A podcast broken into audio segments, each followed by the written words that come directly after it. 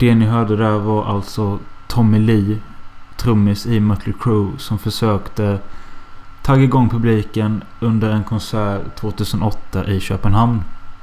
Som jag var på. Mer om det senare kanske. Men ja, detta är alltså ännu en eh, uh, ensampodd med mig. Och idag tänkte jag ranka Mötley Crües studioalbum från sämst till bäst. Detta på grund av att uh, The Dirt-filmen kommer den 22 mars. Det släpps på Netflix. Och The Dirt är alltså filmen som bygger på boken om Mötley Crües liv och karriär.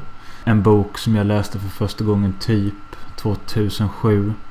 Och har läst ett par gånger sedan dess. Och det är en jävligt underhållande rockbiografi. Som jag har rekommenderat till folk som inte ens gillar musiken eller gillar bandet. Och de har tyckt den är underhållande också. För det finns så jävla mycket sjuka grejer i den. Jag ska läsa från baksidan så får ni lite bättre bild av vad det är för bok. Och film då förhoppningsvis. Mötley Crüe är världens mest ökända rockband. Whisky och porrstjärnor, bilkrascher, svart läder och höga klackar. Överdoser och död är alla ingredienser i Mötley Crües liv. Det är ett band vars medlemmar dricker mest, slåss mest, har mest sex och är mest arroganta i världen.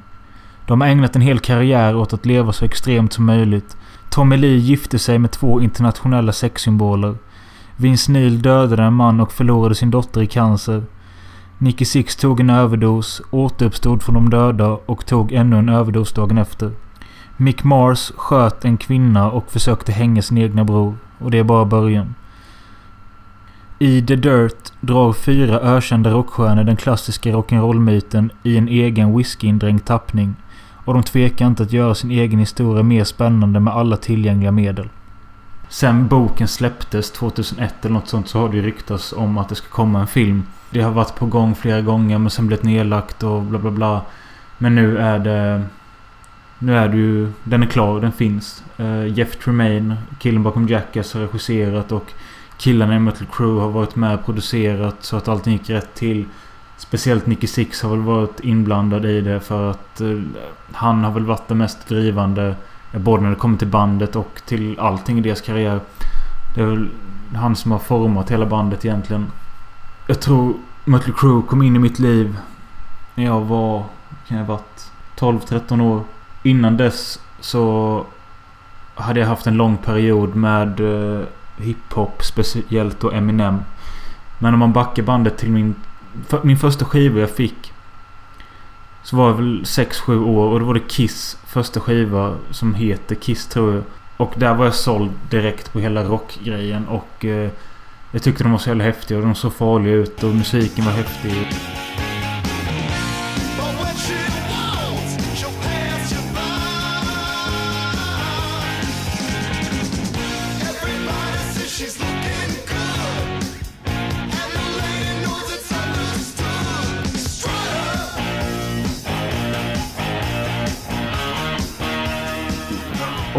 Steget från Kiss till Metal Crew är ju inte så långt egentligen. Alltså vi snackar utspökade män med eh, catchy låtar och... Eh, ja, jag vet inte vad jag försöker komma till men... Jag tror i alla fall att jag började lyssna på Metal Crew när jag var ja, 12-13 år. Efter ett tag så blev det bara mer och mer och eh, till slut så bara älskade jag hela den här sleaze-eran och eh, jag ville se ut som en en medlem i Metal Crew. Jag ville se ut som Nicky Six. Jag ville tupera håret, vilket jag också gjorde. Uh, ja. Jag, kom, jag, hade till och med med mig bilder från någon i bandet Crash Diet. Till frisören. Sa så här vill jag se ut. Och de trodde typ inte på mig. De trodde att jag drev. Alltså jag var 15 år och... Ja men de blev liksom idoler och... Uh, allting jag ville ha när jag drack var bara Jack Daniels. Så jag kommer ihåg att jag och min polare Baggen vi fixade någon som köpte ut Jack Daniels till oss och eh, vi drack det och vi spydde och det var kul. Det är liksom inte... Det är mycket... Alltså det är ett band som bygger mycket på en image av att vara svin. Av att vara det värsta bandet och vara de som super, knarkar och knullar mest. Och det är väl både det jag tyckte var ett underhållande. Men så alltså, jag gillar verkligen deras musik också. Många kanske hävdar att det är ett jävla skitband. Alltså att Nicky Six inte kan spela bas och att Vince Neil sjunger som en döende katt och så vidare. Men jag skiter lite i det för att tillsammans så blir det... Alltså det blir ett... Eh, det blir ett sound som tilltalar mig och jag gillar texten och jag gillar hur... Vad fan ska man säga? Catchy och... Eh, poppiga refrängerna kan vara som alla kan sjunga med i och sånt. Jag, jag gillar den skiten. Många kanske hävdar att Guns N' Roses till exempel som kom lite senare är ett mycket bättre band. Och Ja, jag vet inte fan alltså. Jag Slash kanske är en bättre gitarrist än Mick Mars. Det vet jag inte men... Och de kanske har haft större hits med Welcome to the Jungle, Paradise City och Sweet Child of Mine och... Ja. Och hela Appetite for Destruction skivan är... Det kan jag hålla med om lite på ett mästerverk men... Utöver det så tycker jag att Guns N' Roses är ett jävla tråkigt band. Och jag gillar inte Axl Rose för fem öre. Och jag tycker de här Use Your Illusion 1 och 2 är överskattade. Och... Nej, jag vet fan. Alltså Metal Crew, när man tar hela den här 80-talsscenen så var ju fan förebilder för hela den scenen. Och eh, de startade typ en ny genre. Sen kom det må många som hoppade på det som Poison och... Ja, Poison vad jag kom på nu. Ehm, ja, men det finns hur mycket som helst. Rat och... Ja, många sleazeband. Jag kanske inte ska hålla på och prata så mycket om, om det här men... Eh, för att ge en liten... Eh, introduktion till bandet så att ni kanske förstår vad jag snackar om ifall ni inte känner till dem så kan jag säga så här att Nicky Six eh, Han spelar bas och han har skrivit 98% av alla låtar och är väl den mest drivande inom bandet. Tommy Lee är trummis och Mick Mars spelar gitarr. Vince Neil är sångare. Och ja, det kanske tåls att tilläggas att bandet formades 1981. Och har släppt nio skivor. Ja, det var det jag ville säga. Nu kör vi igång.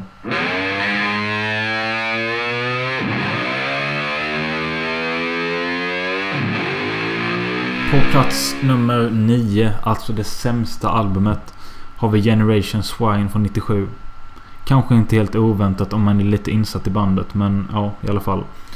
Här hade de eh, några år tidigare kickat eh, originalsången Vince Neil men nu är han tillbaka efter åtta år. Och eh, bandet vill ha ett nytt sound. Detta är lite efter grungen och deras egna genre de hade på 80-talet med glam sleaze rock är väl lite utdöende så de vill ha ett nytt sound. Och ja, det har de verkligen. För fy fan vad spretigt det här soundet är. Det låter för jävligt. Eh, och de verkar ha låtit alla i bandets, bandets idéer bara gå igenom. För till exempel så har...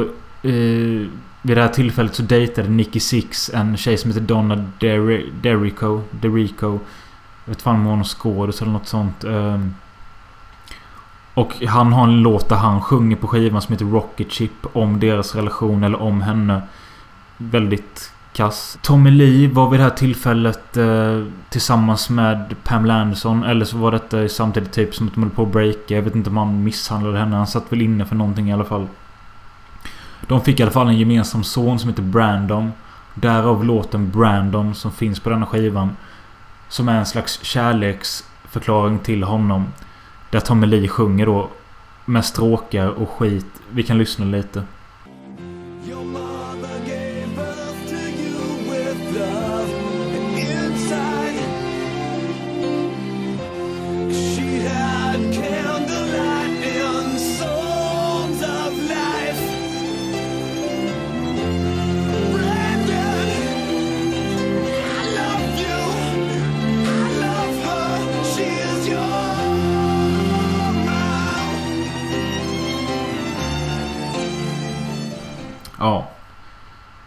Det är... Jag, alltså jag tycker det är cringe-faktor.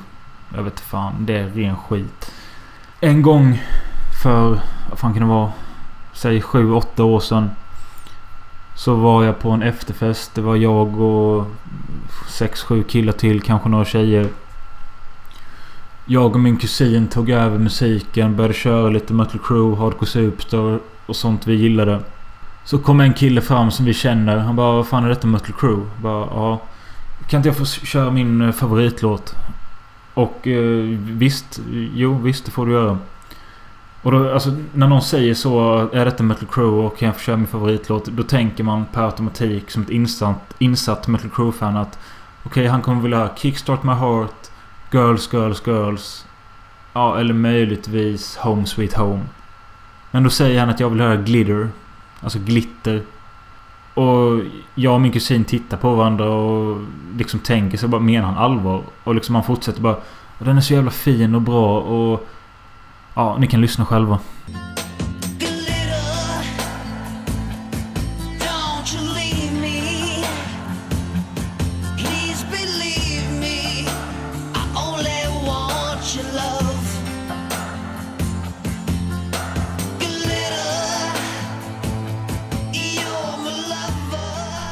Ja, det är ju verkligen vad det är. Alltså jag tycker den är så mjäkigt och jag vet fan. Och jag tycker det är helt sjukt hur man kan ha den som favoritlåt av Metal Crew. Jag, ja, jag, jag alltså, det finns ju en anledning till varför jag inte glömt av detta på typ 10 år eller 8 år eller vad fan det nu är. Det är liksom... Det sprängs i mitt huvud hur man kan ha den som favoritlåt. Av Metal Crews låtar. Men ja, i alla fall. Den har en låt som heter Find Myself. Eh, en låt som innehåller en textrad som jag för ja, ungefär ja, 8, 9, 10 år sedan tyckte var jävligt cool. För om någon minns MSN Messenger. Så... Ja, för de som inte minns det så var det liksom en eh, chatt... Eh, ja, en chattsida. Där man chattade med sina polare, men skitsamma. Så hade man då där det stod sitt namn och under sitt namn så kunde man skriva Ja, alltså något coolt, något fyndigt. En valfri text på, ja, säg 100 tecken, 50 tecken, jag vet fan. Och där hade jag en textrad från låten Find Myself. Och det var raden I'm a wreck, I'm a sleaze, I'm a rock and roll disease.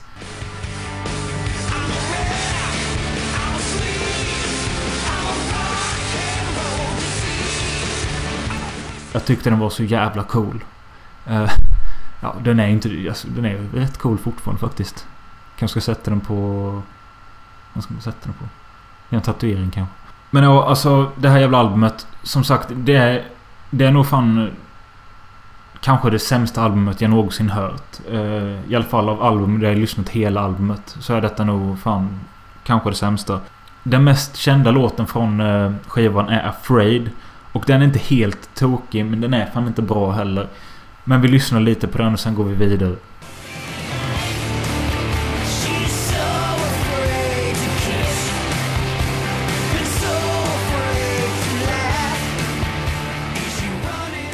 På plats nummer åtta har vi det självbetitlade albumet Motley Crue. Från 1994. Och detta var samma veva som eh, Vince Neil var kickad från bandet och här är han ersatt av John Corabi. Många hävdar att eh, John Corabys röst är mycket bättre än Vince Neils röst och eh, visst den kanske är bättre. Eh, Vince Neil har en väldigt gäll och kanske dålig röst men jag tycker han passar in i bandet och han har en unik röst. Man känner igen liksom, ja det där är Vince Neil. Den här John Corabi, han har en grötig, typisk rockröst som jag tycker bara är tråkig. Och hela skivans sound är så jävla hårt och grötigt. Jag har inte lyssnat igenom den här skivan många gånger just för att Vince Neil saknas och att jag inte gillar det. Men jag har gett den en chans ett par gånger. Alltså det låter... Det, det stör mig också att liksom... De väljer... Alltså på den skivan... När de inte har med originalsången så kallar de det albumet Motley Crue som att detta är vad Motley Crue är. Och det stör mig också lite.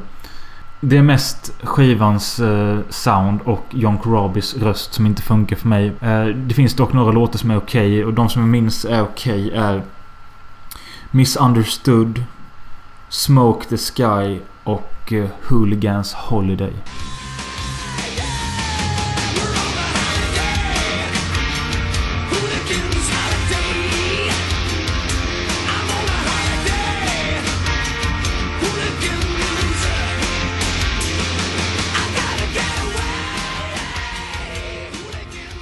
På plats nummer sju hoppar vi fram ända till år 2000. Med albumet New Tattoo. På denna skivan har Tommy Lee hoppat av eh, på grund av att han tyckte bandet blev kast efter Vince Neil kom tillbaka till Generation Swine-plattan. Och han har problem med Pamela Anderson och eh, sitt fängelsestraff. Men att Tommy är borta från skivan, det märker inte jag. Alltså, jag är fan... Alltså jag kan inte höra liksom vad som är ett bra... Eh, trumspelande eller gitarrspelande. Alltså, jo, klart jag kan höra vad som är riktigt kast och så men jag kan liksom inte höra skillnad på vem fan det är som spelar på en skiva. Här, eh, men han är i alla fall ersatt av Randy Castillo från Ozzy Osbournes band. Och på det här albumet har de gått tillbaka till lite mer av sina rötter om man jämför med Generation Swine-skivan som kom 97. Detta låter lite mer klassiskt eh, Mötley. Jag vet inte hur albumet, om det räknas som ett bra eller kasst album. Jag tror det är mer åt det kassa hållet. Men det finns ändå en hel del bra låtar. Um, Treat Me Like A Dog, She Needs Rock and Roll, Punched In The Teeth By Love, White Punks On Dope. Och den låten jag lyssnat mest på på hela skivan är Pornostar. Men jag har dock inte lyssnat på Pornostar, den som ligger på originalskivan. Utan jag har lyssnat mest på demoversionen av låten Pornostar. Vi kan lyssna lite på den.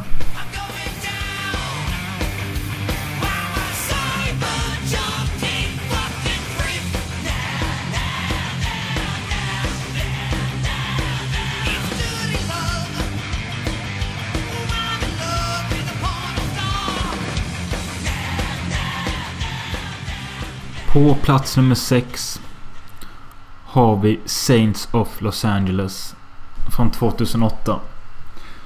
Deras första album på åtta år efter New Tattoo. Och den här skivan fick ganska bra respons när den kom och... Eh, ett album jag faktiskt köpte direkt i fysisk eh, skivbutik. Det har jag nog aldrig gjort innan. Alltså inte så direkt när en skiva släppts. Att jag bara väntar och går in och köper skivan. Men eh, det gjorde jag. Jag hade säkert laddat ner den innan men jag köpte den då bara för att stötta bandet. Och det är nog den senaste CD-skivan jag köpte i mitt liv tror jag. Ljuger nu. Nej. Eh, Veronica Maggios Satan i gatan har jag köpt på CD med. Men det var enbart för att den inte fanns på vinyl. Jag har hennes andra skiva på vinyl men den kostade tusen spänn så det fick bli en CD. Eh, ja. Men ja, jag köpte den på CD och lyssnade rätt mycket på den. Denna skivan släpptes ju samtidigt som jag var som mest inne i bandet. Eh, 2008, alltså säg att det började runt 2006 och 2008 var jag helt såld. Så det var ju skitgött då att de kom tillbaka med ett album. Som dessutom inte var kast. Eller alltså ja, det finns många bra låtar på den i alla fall. Skivan skulle väl vara ett slags soundtrack till The Dirt-boken. Eh, många texter handlar om hur de eh, i början av deras karriär och sånt. Och detta året, alltså 2008, så stack de ut på turné. De skulle spela i Köpenhamn. Och jag och min polare Baggen bokade biljetter dit och jag tror vi var vi 15 eller 16. 15, ja 16 kanske. Vi tog buss från Halmstad till Köpenhamn och eh, det kändes... Eh, man var jävligt förväntansfull att äntligen få se sitt favoritband. Och sen var det ju Danmark med så vi kunde ju köpa öl i vanlig butik. Kommer ihåg att vi köpte sådana sexpack eh, grön Tuborg och eh, blev lite halvfulla. Och en grej som var extra kul var ju att eh, ett av mina andra favoritband var förband till Metal Crew. Alltså Hardcore Superstar. Så det var en extra bonus för det. Och eh, Mötleys konsert just då var det ju det bästa man hade sett i efterhand kan jag tänka att det var väl fan sådär va? Ja, det var sådär. Men om vi ska återgå till albumet så...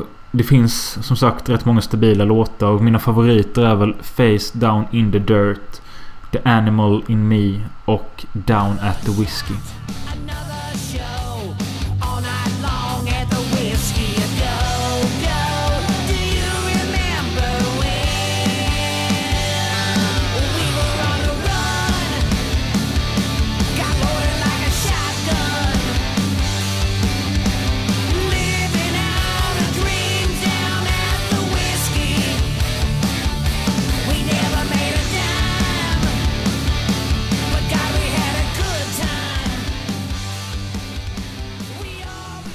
Plats nummer 5.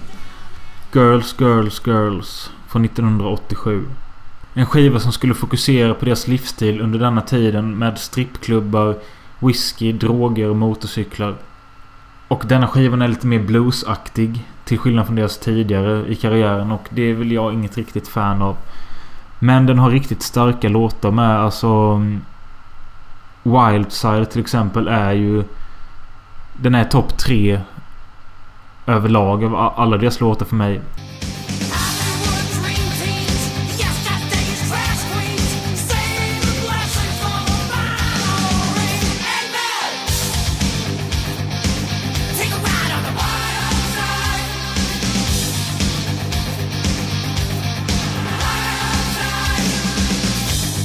Titellåten Girls Girls Girls är jag så fruktansvärt ut... Alltså jag, den är så uttjatad och... Men jag kan inte bortse från att det är en god låt. Men jag... Alltså kommer den i en playlist vill jag gärna hoppa över den. Och det finns några riktigt kassa låtar med såsom eh, Bad Boy Boogie, Five Years Dead och Something for Nothing. Det är riktigt kassa låtar. Men sen har du såna här guldkorn, typ som Dancing on Glass. Som är en väldigt underskattad låt. Och andra bra som All in the name of rock'n'roll. Och eh, när de återsläppte skivan 2003. Så tillkom det ett par eh, outgivna låtar som de inte hade släppt första gången. Och där kom låten Rodeo med och... Eh, det är inte min favorit från skivan men... Eftersom den är så pass bortglömd och underskattad så är det den jag vill spela lite ifrån här nu.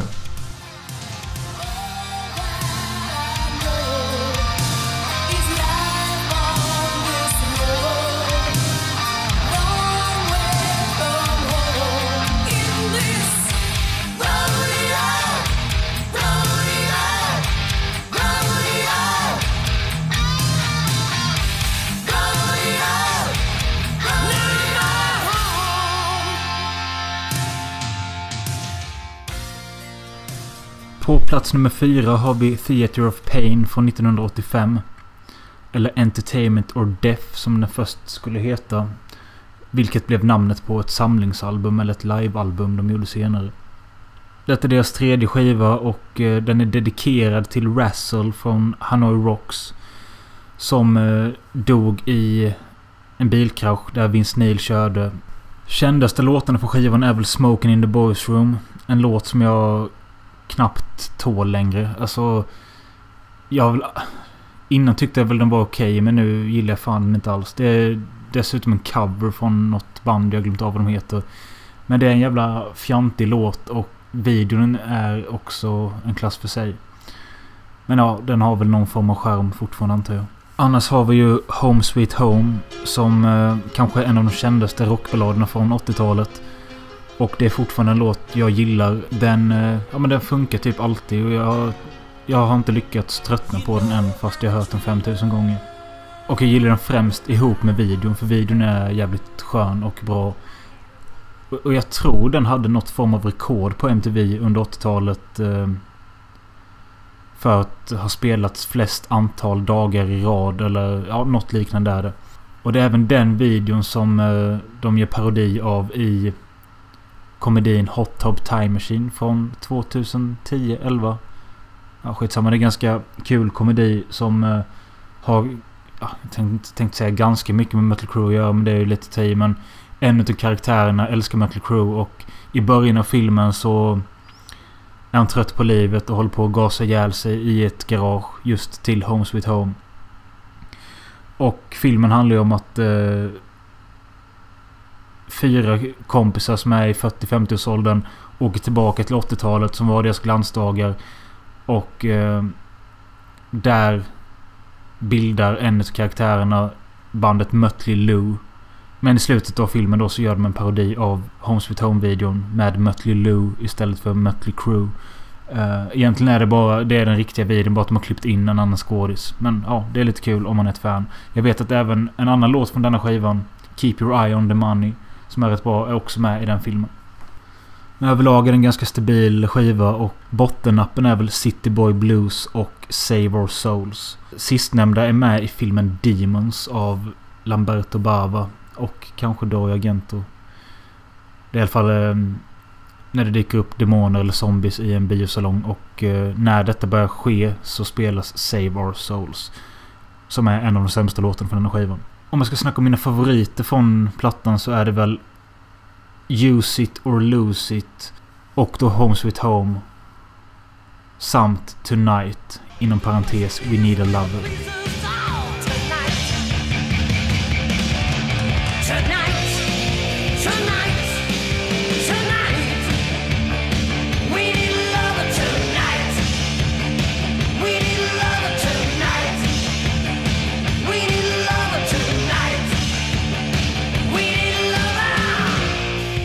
På plats nummer tre. Dr. Feelgood från 1989. Alltså skivan som kom efter Girls från 87. Och jag nämnde inte det när jag pratade om Girls innan men under den perioden så var hela bandet ganska trasigt. Nicky Six var som mest nere i sitt eh, heroinmissbruk och det var även det året han tog en överdos. Eller två överdoser kanske till och med. Och dog. Och återuppstod. Men ja. Och eh, alla var ganska alkoholiserade och ja, drogproblem och förstörda.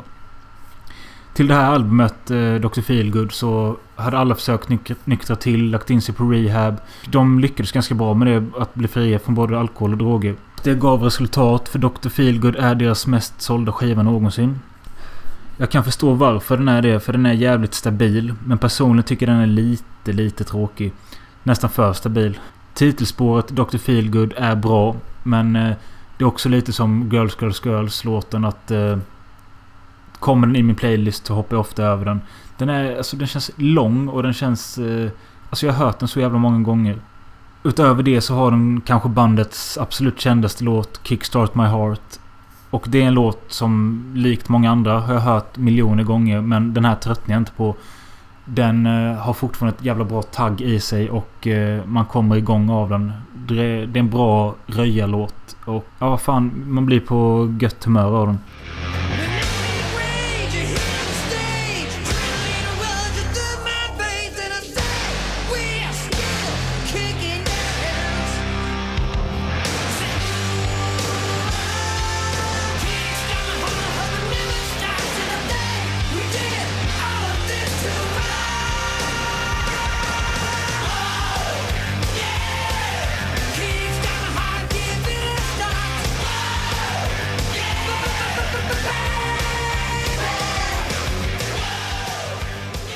Det finns andra grymma låtar också. Same Old Situation är grym. Eh, och en som jag aldrig hört någon nämna direkt är...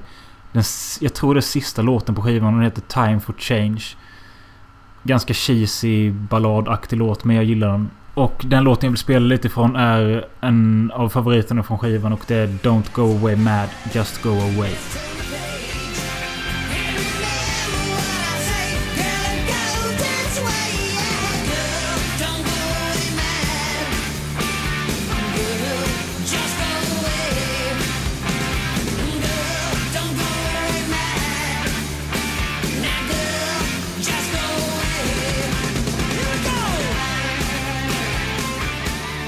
På plats nummer två.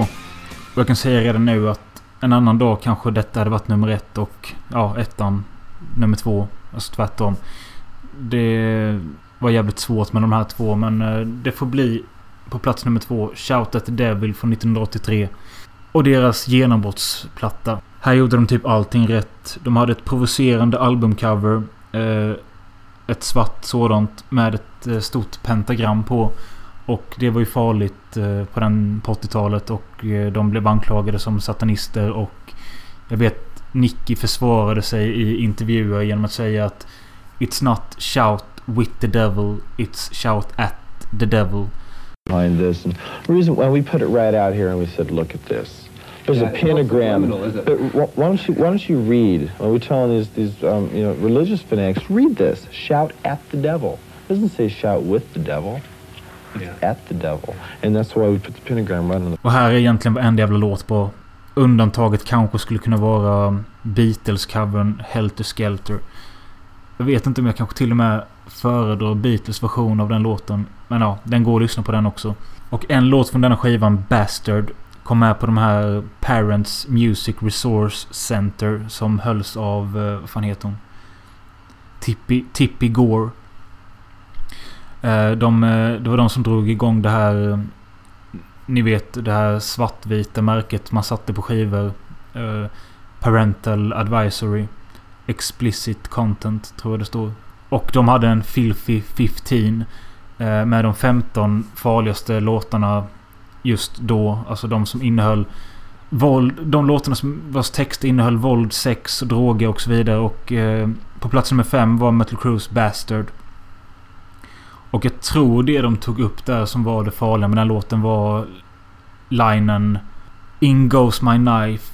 Out goes his life. Consider that bastard dead. Jag tror det är något sånt och det fick man inte heller sjunga på den tiden. Men det här med att de fick den här parental advisory. Eh, det är ju typ det bästa som kan hända ett band. För jag vet ju själv när man var liten och eh, såg den loggan. Då visste man att det där är något förbjudet och det vill jag höra. Och det var lite så det funkade för den här skivan med. Tror jag. Jag bara chansar. Men ja, eh, alltså som jag sa. Varenda låt är grym. Looks That Kill. Red Hot. Too Young To Fall In Love. Knock 'em Dead Kid. 10 Seconds To Love. Danger. Ja, varenda jävla låt är grym.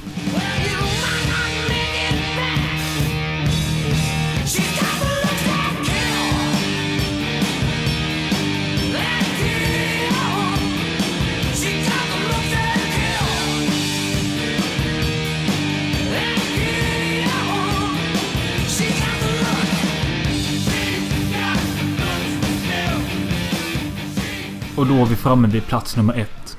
Någon kanske redan har listat ut det men det är deras första skiva från 1981. Too Fast For Love. Ja, vad fan ska man säga? Ja, anledningen till att den kommer till plats nummer ett idag. Det är för att eh, jag älskar soundet på den här skivan. Det är... Det är lite mindre professionellt. Det är lite taffligt, skränigt och det är punkigt, simpelt och det är bara asgött ljud. Alltså jag... Det är svårt att förklara men ni kanske hör när jag spelar upp några låtar snart men... Alltså Shout at the Devil-skivan hade, de hade lite mer tid, lite mer... Ja, budget, bättre bolag som stod bakom dem och... Det hade de inte för den här Too Fast For Love. Den är inspelad på några... Jag kommer inte ihåg hur lång tid det tog men det hörs och jag gillar det som fan. Ska man säga något negativt om den så är det väl... Ja, låten Come On and Dance är väl den svagaste på skivan men den är ändå kul. Ja, resten är bara goa grejer. Alltså Livewire kan jag säga samma sak som jag sa om Kickstart My Heart. Jag har hört den hur många gånger som helst men jag tröttnar inte på den och det är fortfarande ett jävla bra drag i den. Public Enemy Number One, Piece of Reaction, Take Me To The Top, Too Fast For Love, Starry Eyes, Tonight, Toast of the Town. Ja, alla är fan kanonlåtar. Jag känner att jag upprepar mig nu men jag kan inte direkt säga något annat än att det är riktigt jävla bra rocklåtar. Och jag kom på det nu med att jag nämnde innan att jag såg bandet 2008 och att jag i efterhand tycker att det var sådär. Eh, jag hade kanske inte tyckt att det var sådär om det inte var för att jag såg dem på deras sista turné 2015. I Globen. Det var mycket mer påkostad show. Det var mer låtar och... Eh, ja, allting var mycket bättre. Alltså det kändes som också som att de hade mycket mer... Alltså de hade roligare på scenen ihop och... Det var ett fint avsked liksom att se dem en, så, en sista gång det är väl lite i jämförelse mellan 2015 och 2008. Jag tycker att 2008 var sådär.